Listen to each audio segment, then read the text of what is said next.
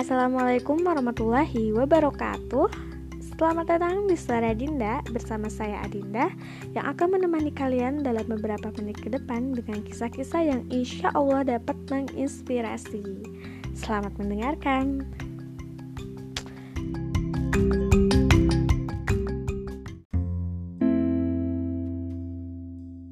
Oke, balik lagi di Suara Dinda. Di episode pertama kali ini aku akan menceritakan kisah hidup seseorang yang paling menginspirasi dalam hidupku. Siapa dia? Dia kebetulan adalah keluargaku, yaitu bapakku. He is my hero. Ya, siapa mana ada anak yang gak sayang sih sama bapaknya kecuali ya kalau bapaknya jahat tapi sejahat jahatnya bapak ya pastilah ada naluri anaknya sayang sama bapaknya. Apalagi bapaknya yang baik pasti anaknya sayang banget. Ya seperti bapak aku. Bapak aku ini kisahnya sangat pilu menurutku Dulu kami hidup bersama aku, bapak, dan mama. Kebetulan aku adalah anak tunggal. Aku dulu kok dikecil, eh dikecilkan, dibesarkan di Garut. Terus bapak sama mama kerja di Tangerang.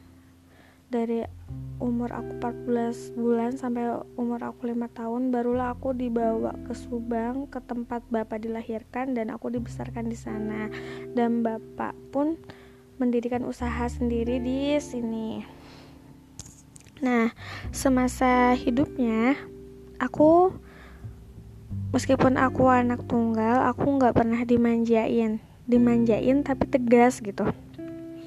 Ketika aku menginginkan sesuatu aku pasti selalu disuruh untuk bekerja dulu gitu. Entah itu menabung atau aku belajar mendapat nilai bagus. Dan ya bapak aku kedua orang tua aku tuh ingin menanamkan agar aku tuh usaha usaha usaha. Kalau mau dapat apa-apa itu harus usaha. Tentunya usaha dengan cara yang baik. Nah dalam semasa hidupnya aku kenal bahwa bapakku tuh adalah seorang pekerja keras yang dia tuh nggak suka mengeluh. Meskipun banyak banget rintangan di depan dia tapi dia nggak pernah ngeluh. Apalagi dia menunjukkan kesedihannya di di depan aku juga di depan mamaku kami hidup normal hidup normal. Sehingga pada uh, tahun berapa ya aku lupa tepatnya tahun berapa tapi itu pas aku kelas 2 SMA sebenarnya bapak aku tuh gak pernah punya riwayat sakit keras atau semasa hidupnya pun dulunya beliau jarang sakit. Tapi ketika pas kelas aku pas aku kelas 2 SMA tiba-tiba uh, rambutnya bapak aku tuh rontok. Rontok banget gitu aneh kan tapi beliau nggak merasakan sakit apa pun. Nah, pada saat itu dibawalah ke klinik. Pas di klinik, di, dirujuk ke rumah sakit, terus ke rumah sakit dan dites lah ini itu diperiksa. Kemudian dokternya bilang eh, ini harus diperiksa lebih lanjut gitu. Soalnya ya rambutnya serontok ini. Entah itu kan kanker atau apa pun itu nah tapi bapakku nggak ngerasain apa-apa nggak ngerasa pusing nggak ngerasa panas sakit atau apa pun enggak gitu. Kemudian beberapa hari kemudian bapakku ngerasain pusing banget. Pusing sepusing-pusingnya sampai nggak sadar. Itu tepatnya ketika malam takbiran Idul Adha tahun 2015 ya aku masih ingat. Pas malam takbiran itu bapak aku pusing banget sampai nggak sadarin diri dan sampai ngomongnya tuh udah ke mana-mana udah nitip pesan wasiat ini itu dan aku pun mikir apa bapak mau meninggal? gitu. Sampai aku mikir ke sana. Karena emang kondisinya drop banget. Nah pas ke rumah sakit diperiksa ini itu dan ternyata ada pembuluh darah yang pecah di dalam otaknya. Pembuluh darahnya itu udah pecah lama terus membeku. Dan dokter memper memperkirakan pecahnya si pembuluh darah itu udah berbulan-bulan. Entah itu satu bulan yang lalu atau dua bulan yang lalu atau tiga bulan yang lalu ya aku lupa. Pokoknya udah lama banget gitu. Dan dokter pun aneh tapi kenapa efeknya tuh baru sekarang gitu? Dan itu pun efeknya tuh kerasa karena bekunya pembuluh darah. Tapi dokter pun aneh karena bapakku selama berbulan-bulan itu nggak ngerasain apa-apa nggak lumpuh nggak apa. Padahal biasanya kalau pembuluh darahnya pecah itu pasti uh, apa ya uh, dapat mengakibatkan rusaknya saraf gitu. Biasanya entah itu darahnya keluar lewat mata dan jadi buta terus entah itu stroke atau apa gitu. Tapi itu nggak terjadi sama bapak aku. Bahkan itu baru ditemuinnya ya setelah berbulan-bulan kemudian gitu baru ketahuan ternyata di otak bapak aku itu ada darah yang beku yang setelah diperiksa pecahnya itu udah lama gitu. Itu dokter kaget banget gitu. Uh, Allah nggak masih betapa hebatnya Allah gitu. Allah nggak uh, ngasih keajaiban sama bapak. Nah pada saat itu bapak aku sakit parah banget sampai rambutnya botak dan aku pun ngelihatnya iya ampun aku nggak tega gitu ngelihatnya dan aku pun selalu berpikir bapak aku apa mau pergi apa mau pergi gitu ya. Dan bapak pun kaget gitu. Sempat ada penolakan di dalam diri bapak kenapa sih kok bisa kayak gini? Tiba-tiba pembuluh darahnya pecah nggak ada angin nggak ada hujan nggak pernah sakit sekalinya sakit jelek langsung gitu tapi berkat dukungan mama aku, keluarga, dan yang pastinya di dalam diri bapak sendiri semangat untuk hidup. Akhirnya bapak uh, semangat untuk hidup, bangkit lagi. Konsumsi obat itu bapak setahun sakit, nggak bisa ngapa-ngapain gitu udah pasrah banget sih di sana. Aku juga udah lihat bapakku tuh nangis terus nangisnya tuh karena ngerepotin orang lain. Karena bapak itu dari dulu paling nggak mau ngerepot ngetin orang lain. Kalaupun sakit selagi sakitnya masih dia handle dan gak parah dia selalu menyembunyikan rasa sakit itu. Nah setahun kan konsumsi obat-obatan sampai mau dioperasi di kepalanya tapi gak mau bapak aku gak mau ngambil resiko.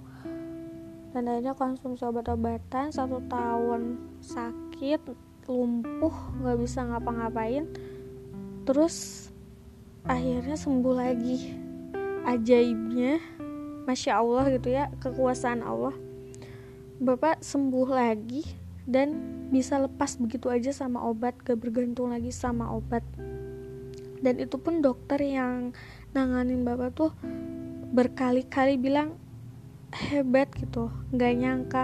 Padahal di sana bapak aku tuh udah diponis usianya itu paling lama satu bulan lagi bisa bertahan hidup. Tapi ya betapa hebatnya Allah Bapak masih diberi kesempatan untuk hidup saat itu. Bahkan bisa sembuh total. Dinyatakan sembuh total. Nggak bergantung obat Gak harus kontrol apa-apa lagi. Karena setelah diperiksa Seolah-olah nggak ada terjadi apa-apa. Darah yang membeku di kepalanya itu Tiba-tiba hilang katanya sih mencair tapi kalau mencair si darahnya itu pasti keluar entah itu lewat mata yang mengakibatkan kebutaan gitu kan entah itu lewat mulut hidung tapi ini nggak ada nggak ada keluar darahnya gitu. tapi ketika di ronsen nggak ada lagi ininya gumpalan darahnya itu betapa hebatnya gitu Allah betapa sayangnya Allah sama bapak gitu dan satu tahun kemudian hidup normal. Nah terus pas aku masuk kuliah semester 1 tahun 2016 bapak tiba-tiba sakit lagi sakit mah.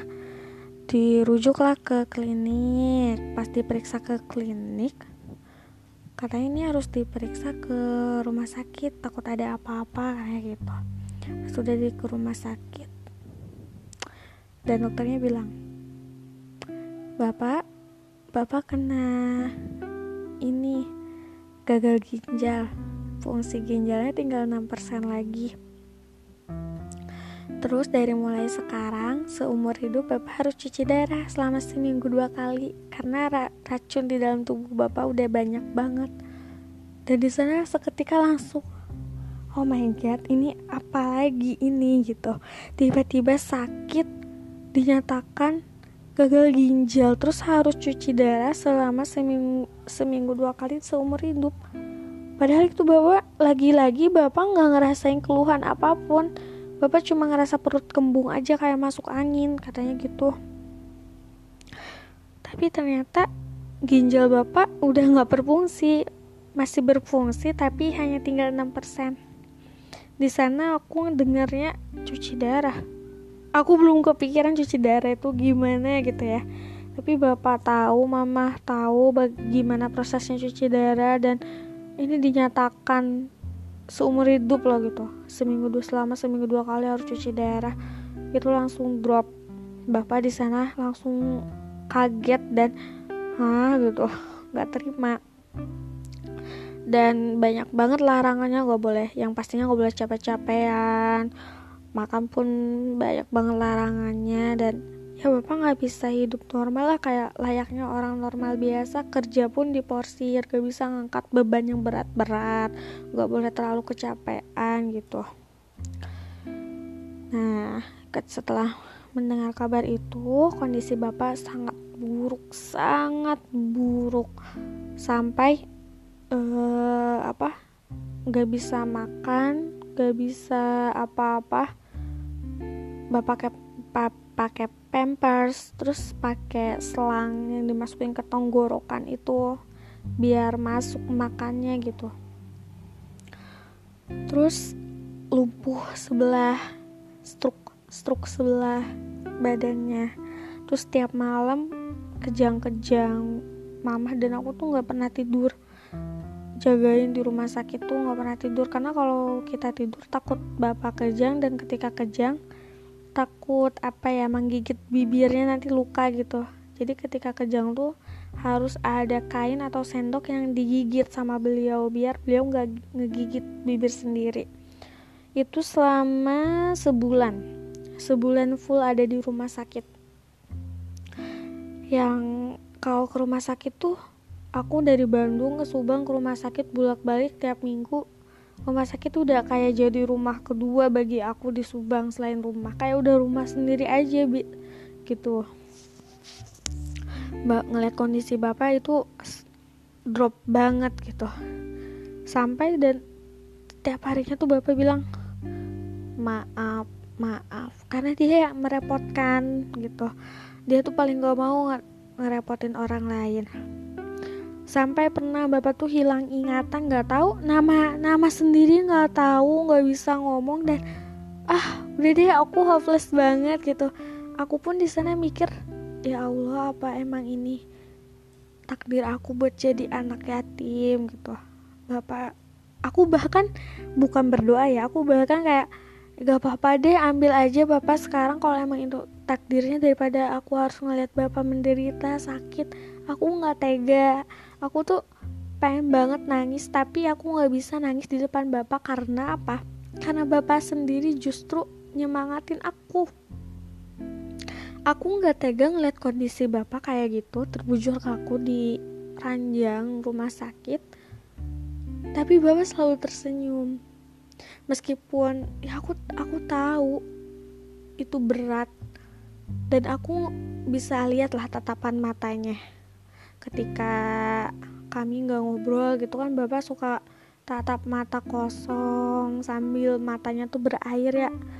Aku pun kalau jadi bapak gak mungkin susah banget gitu kan nerima nerima ini semua. Tapi bapak selalu senyum selalu udah ya nggak apa-apa selalu bilang kayak gitu. Malah bapak yang nyemangatin aku bukan aku yang nyemangatin bapak gitu. Dan setelah itu lama kelamaan akhirnya bapak udah mulai open udah mulai menerima takdirnya. Kalau misalnya dia hidup nggak normal nggak normal di sini karena setiap seminggu dua kali harus cuci darah bergantung sama alat untuk uh, melanjutkan hidupnya gitu. Yang tadinya selalu diantar gitu kan ke rumah sakit. Dan sampai sekarang tuh udah biasa bawa motor ke sendiri ke rumah sakit. Padahal jaraknya jauh satu jam setengah dari rumah aku ke rumah sakit itu. Dan bapak tuh udah biasa sendiri ke sana diantar sih sama mama. Tapi bapak yang bawa motornya sampai uh, satpam di sana pegawai di sana tuh mikirnya mama aku yang sakit gitu kan kan ceritanya mama nganter orang yang sakit tapi orang yang sakitnya bawa motor sendiri gitu lucu kan? Ya kalaupun orang yang nggak tahu ketika ketemu bapak pasti nggak nyangka bapak tuh sakit padahal ya sakit gitu. Dan uh, di sana aku pun ngerasain jadi bapak ya gimana sakit hatinya. Beliau itu adalah kepala keluarga. Sekarang kayak istilahnya lu kayak udah nggak berdaya gitu kerja capek-capeknya aja udah nggak bisa gitu kan. Nggak bisa nggak bisa kayak dulu lagi yang selalu menjaga gitu nafkahin full gitu kan. Nah ketika itu ketika bapak sakit itu usahanya pun ini uh, apa ya namanya turun turun drastis gitu uh, bapak ditipu sama temennya. Bapak ditipu sama temen kerjanya. Sampai rugi banyak banget. Ah pokoknya bertubi-tubi banget ujian gitu. Yang aku pada saat itu kayak aduh aku pusing banget gitu. Apa aku gimana? gitu kan. Tapi bapak aku di sana selalu nyemangatin. Udah ya nggak apa-apa semuanya kan titipan. Bapakku selalu bilang kayak gitu ya udah nggak apa-apa sabar loh nah selama menjalankan hidupnya ini bapak bapak itu selalu sabar dan selalu semangat gak pernah ngeluh padahal banyak banget sakit yang bapak rasa entah itu sesak napas kejang demam, mual, muntah, panas, dingin. Pokoknya banyak banget gitu. Aku tahu tiap malam bapak sakit, ngerasain sakit gitu. Tapi dia nggak bilang, dia nggak ngerepotin, dia nggak pernah ngeluh.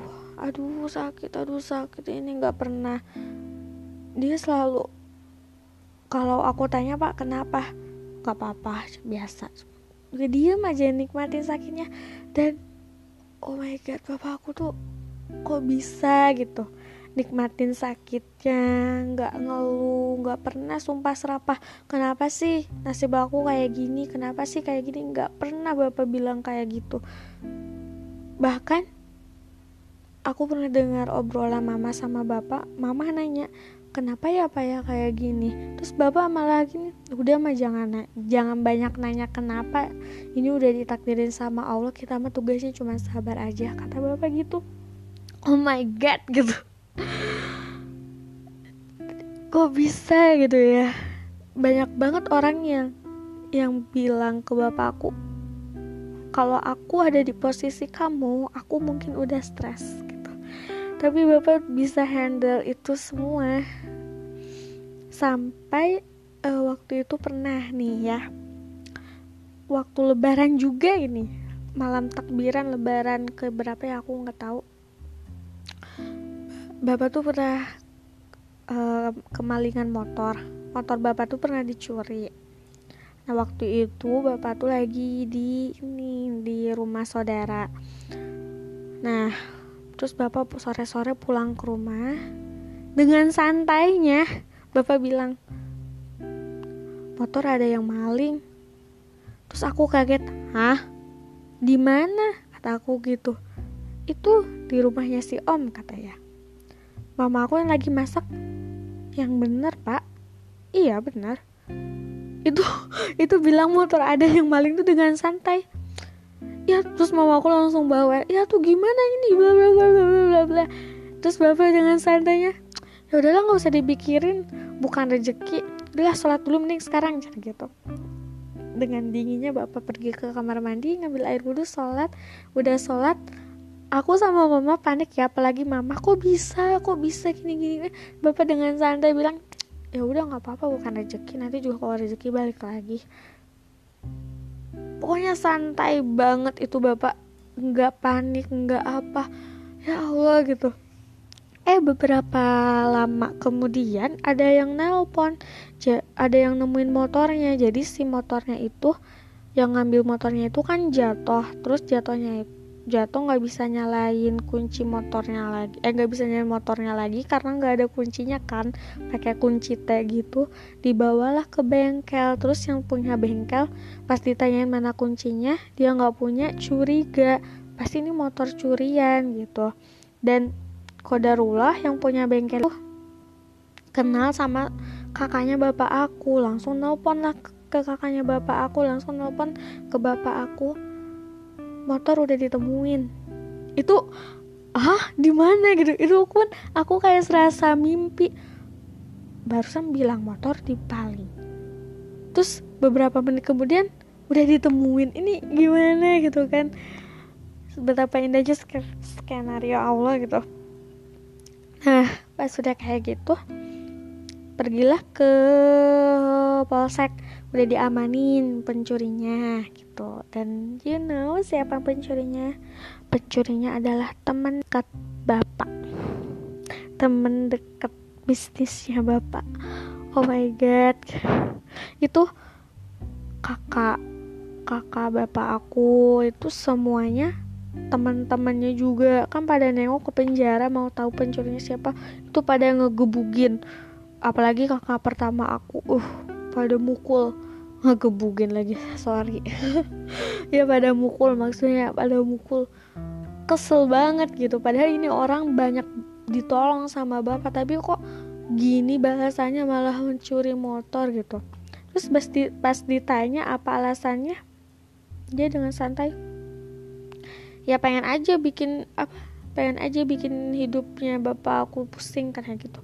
Di terus banget kan tuh orang ya makin aja digebukin kan dipukulin sama yang lainnya. Di sel itu. Tapi bapakku apa coba? Diem aja. Bapakku malah kayak udah udah udah kasihan kasihan gitu. Terus bapakku malah bilang kayak gini kalau butuh uang bilang. Kalau nggak suka kalau aku ada salah bilang. Jangan kayak gini. Maafin ya. Bapak aku malah bilang kayak gitu dong ke pencurinya aku di sana nggak habis pikir ya Allah kok aku bisa ba? Ya bisa ya punya bapak? Baik banget karena aku gitu. Kalau aku jadi bapak udah mungkin udah ih pengkhianat udah ngatain apa-apa gitu kan. Tapi bapak aku sabar banget gitu. Terus bapak nggak lama kemudian pulang. Dan bapak tuh nitip udah jangan dipukulin kasihan kayak gitu. Dan itu kan pas lebaran ya pas malam takbiran besoknya tuh ketemu sama keluarganya punya anak. Si keluarga pencuri itu punya anak. Bapak kasih lah uh, apa sih namanya? Ya rezeki gitu bapak kasih so, uang gitu kan biasalah buat anak-anak kayak gitu. Kataku ih kok pak? Mau maunya sih baik banget sih kataku sama orang yang udah jahatin gitu. Dan selama ini orang itu suka nyuri barang-barang bapak suka nyuri apa sih namanya tuh? Ya pokoknya barang-barang kerjanya bapak lah. Entah itu TV dispenser pokoknya DVD suka dia curi gitu. Barang yang barang yang hilang itu dia pelakunya. Tapi bapak masih tetap baik sama orang itu. Bahkan sama anaknya. Aku mah ih boro-boro gitu. Bahkan si orang itu tuh yang udah nyebarin fitnah yang sampai bikin bisnis bapak tuh anjlok gitu kan usaha bapak tuh turun drastis. Ah pokoknya orang itu udah jahat banget tapi bapak masih baik ke orang itu.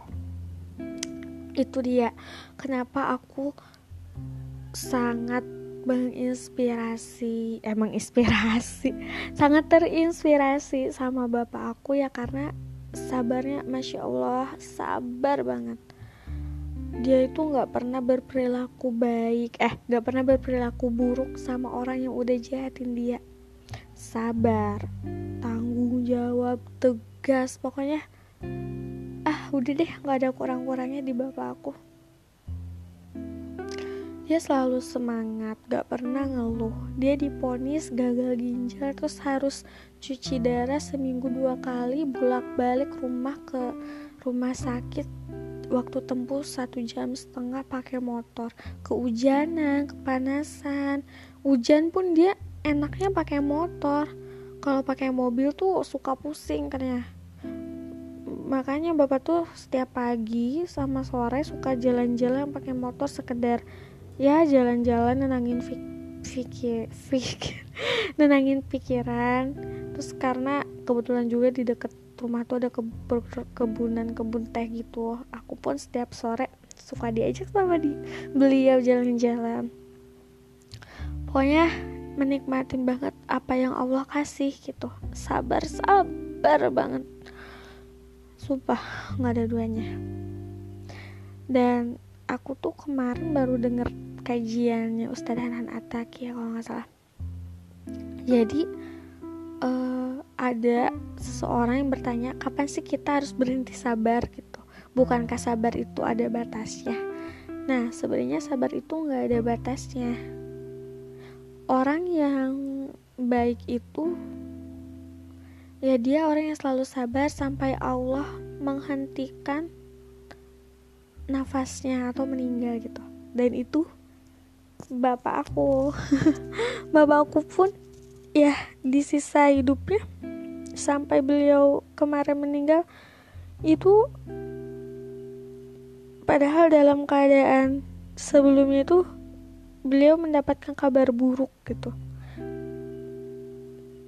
Tapi beliau sabar sampai besoknya eh beliau meninggal. Pokoknya ini banget ya. Menginspirasi banget ya.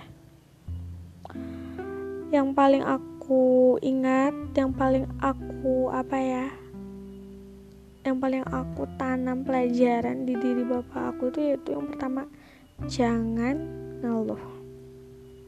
Bapak selalu bilang mengadu boleh tapi ngeluh jangan.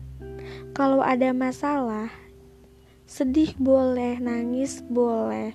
Tapi jangan sampai kita bilang kenapa sih Allah kayak gini? Kenapa sih Allah jahat banget? Kenapa sih Allah gini? Kenapa sih Allah gini? Padahal aku udah berusaha terus berdoa berdoa tapi kok Allah nggak kasih kasih gitu. Jangan sampai kita kecewa sama Allah. Jangan sampai kita berburuk sangka sama Allah gitu. Itu bapak yang selalu bilang ke aku mengadu boleh. Oh ya Allah aku capek.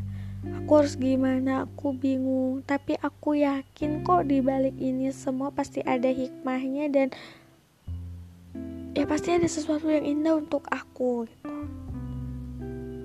Beda kan mengadu sama mengeluh. Itu yang paling aku ingat sampai sekarang sama bapak aku. Ketika aku lagi ada masalah entah itu skripsi atau apa pun itu bapak tuh tahu meskipun aku nggak cerita tapi bapak tahu kalau aku lagi nggak baik-baik aja. Terus kayak suka tiba-tiba ngajak ngobrol ngal ngalor ngidul ngalor ngidul. Dan ujung-ujungnya ngasih nasihat buat aku yang relate banget sama yang aku alami gitu. Padahal aku nggak cerita masalah aku apa tapi bapak tuh paling ngerti paling tahu kalau aku udah lagi bad mood atau apa pun itu bapak selalu dengan caranya selalu bikin aku mood aku baik lagi gitu tiba-tiba random jalan-jalan yuk ayo gitu. Terus ibu bapak pengen martabak. Antar yuk ayo gitu. Tapi jalannya muter ya kata bapakku ke sini iya kataku gitu. Itu tuh padahal bapak nggak pengen banget martabak tapi bapak tuh pengen ngehibur aku. Itu yang paling apa ya yang buat aku sayang banget. Itu udah selain kewajiban aku sebagai anak kepada orang tuanya harus sayang ya? Itu. Kemudian bapak tuh pernah bilang kayak gini.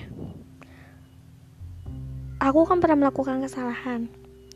Terus ya nah ketika aku melakukan kesalahan bapak aku tuh nggak pernah marah. Kamu tuh anak bla bla bla bla bla.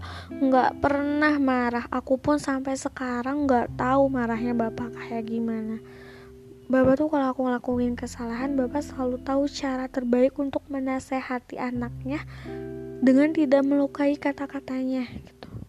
Eh, kok kata-katanya sih? Dengan tidak melukai hatinya. Bapak tuh nasehatin aku sampai aku tuh bener-bener mikir dan gak ngelakuin kesalahan itu lagi. Kadang kan kita kalau sama orang tua sama mama ya, mama apalagi bawel bla bla bla bla bla sampai yang ada kita bukan mikir tapi malah sakit hati kan. Malah ngegurutu gitu. Ya apa sih hmm, gini banget tiba gini doang kayak gitu. Tapi kalau bapak tuh bapak tuh nggak pernah nggak pernah marah nggak pernah cerewet. Bapak tuh bilang ih Dina tuh salah Dina tuh nggak boleh kayak gini. Harusnya Dina tuh kayak gini. Tapi sekarang mau udah selesai ya udah nggak apa-apa. Yang lalu biarlah berlalu jadiin Dina pelajaran. Yang penting ke depannya jangan kayak gitu lagi ya. Lain kali harus lebih teliti bla bla bla bla bla. Itu yang selalu bapak bilang setiap aku ngelakuin kesalahan. Dan bapak tahu kalau aku aku tuh tipe orang yang terlalu menyalahkan diri aku. Kalau aku udah ngelakuin kesalahan terus aku tuh selalu menyalahkan diri aku. Terus bapak pernah bilang kayak gini jangan pernah menyalahkan diri sendiri. Kalau misalnya kita udah ngelakuin kesalahan ya udah cukup menyesali itu dan perbaiki lagi gitu. Terus bapak juga tahu kalau adalah satu keinginan aku yang belum ter yang belum terwujud sampai sekarang aku kan pernah bilang ke bapak pak kenapa sih padahal ini udah berdoa kayak gini gini gini udah lama banget berdoanya tapi kenapa sama Allah belum dikabulin aja? Kataku gitu. Bapak langsung bilang kayak gitu jawab bapak tuh jangan pernah berputus asa sama rahmat Allah. Gitu. jangan sampai kita tuh sesat yang kedua kalinya misalnya kita udah ngelakuin kesalahan nih kita sesat karena kita udah ngelakuin kesalahan. Eh terus kita sesat lagi disesatkan eh oh, eh terus kita jadi orang yang rugi karena kita disesatkan oleh setan. Disesatkannya tuh kayak gimana? Karena kita mikir kalau udah ngelakuin kesalahan kan tobat. Nah udah tobat pasti ngelakuin lagi. Terus tobat lagi ngelakuin lagi tobat lagi ngelakuin lagi. Sampai kita mikir ya ngapain gua tobat? Orang uh, apa nanti juga ngelakuin kesalahan lagi. Nah itu kita udah rugi dua kali. Udah masa sama diri sendiri terus disesatin juga sama setan. Karena itu yang setan mau. Setan tuh pengen kita nyerah tuh. Begitupun dengan berdoa misal kita udah berdoa gini gini gini sampai kita tuh putus asa ah ngapain gue berdoa kayak gini gini orang bertahun-tahun belum Allah kabulin ya. Hingga pada akhirnya kita terjerumus oleh setan dan melakukan dosa gitu kan. Itu nggak percaya sama Allah dan kita nggak bisa sabar sama Allah dan kita malah hus eh husnudon suudon sama Allah. Itu yang bapak bilang gitu. Dan aku ingat sampai sekarang selalu ingat ketika aku nemu orang yang kesel. Eh orang yang kesel.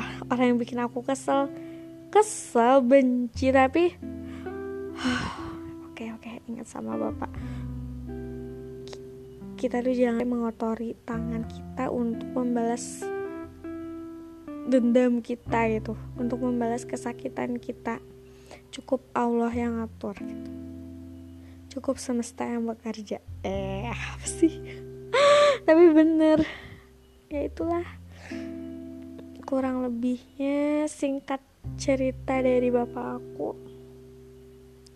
Betapa sangat menginspirasi sekali sampai sekarang. Diuji de dengan dihianati oleh teman. Rugi. Rugi banyak banget. Kehilangan ah pokoknya pahit kan bisa dibilang pahit kan hidupnya. Tapi bapak selalu tetap semangat dan sabar. Kalau kita bilang setiap orang itu eh setiap kesabaran itu ada batasnya itu enggak. Enggak ada batasnya. Karena dunia itu emang tempatnya capek. Dan mengobati rasa capek itu ya dengan bersabar dan masalah itu pasti selalu datang. Kalau kita ngeluh percuma kita ngeluh kita apa ya istilahnya kita menolak mengakui ada masalah masalah itu tetap akan datang sama kita. Itu sih oh my god udah setengah jam aku menemani kalian. Itulah cerita tentang bapak aku. Mudah-mudahan menginspirasi kalian semua di mana pun kalian berada.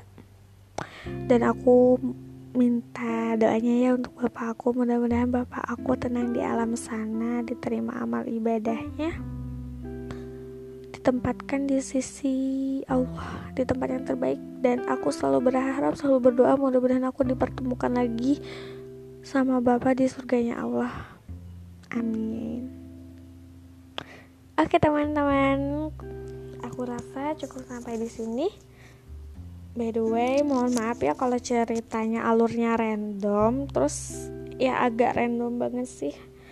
Soalnya aku juga baru pertama kali dan ya ini gabut doang sih sebenarnya pengen cerita aja. Mengekspresikan kegabutan aku. Dan pastinya ada cerita yang lebih menarik lagi. Ini sih sebagai opening ya. Mudah-mudahan cerita-cerita ke depannya bisa menginspirasi banget buat semuanya. Sorry banyak salahnya dan aku tutup wassalamualaikum warahmatullahi wabarakatuh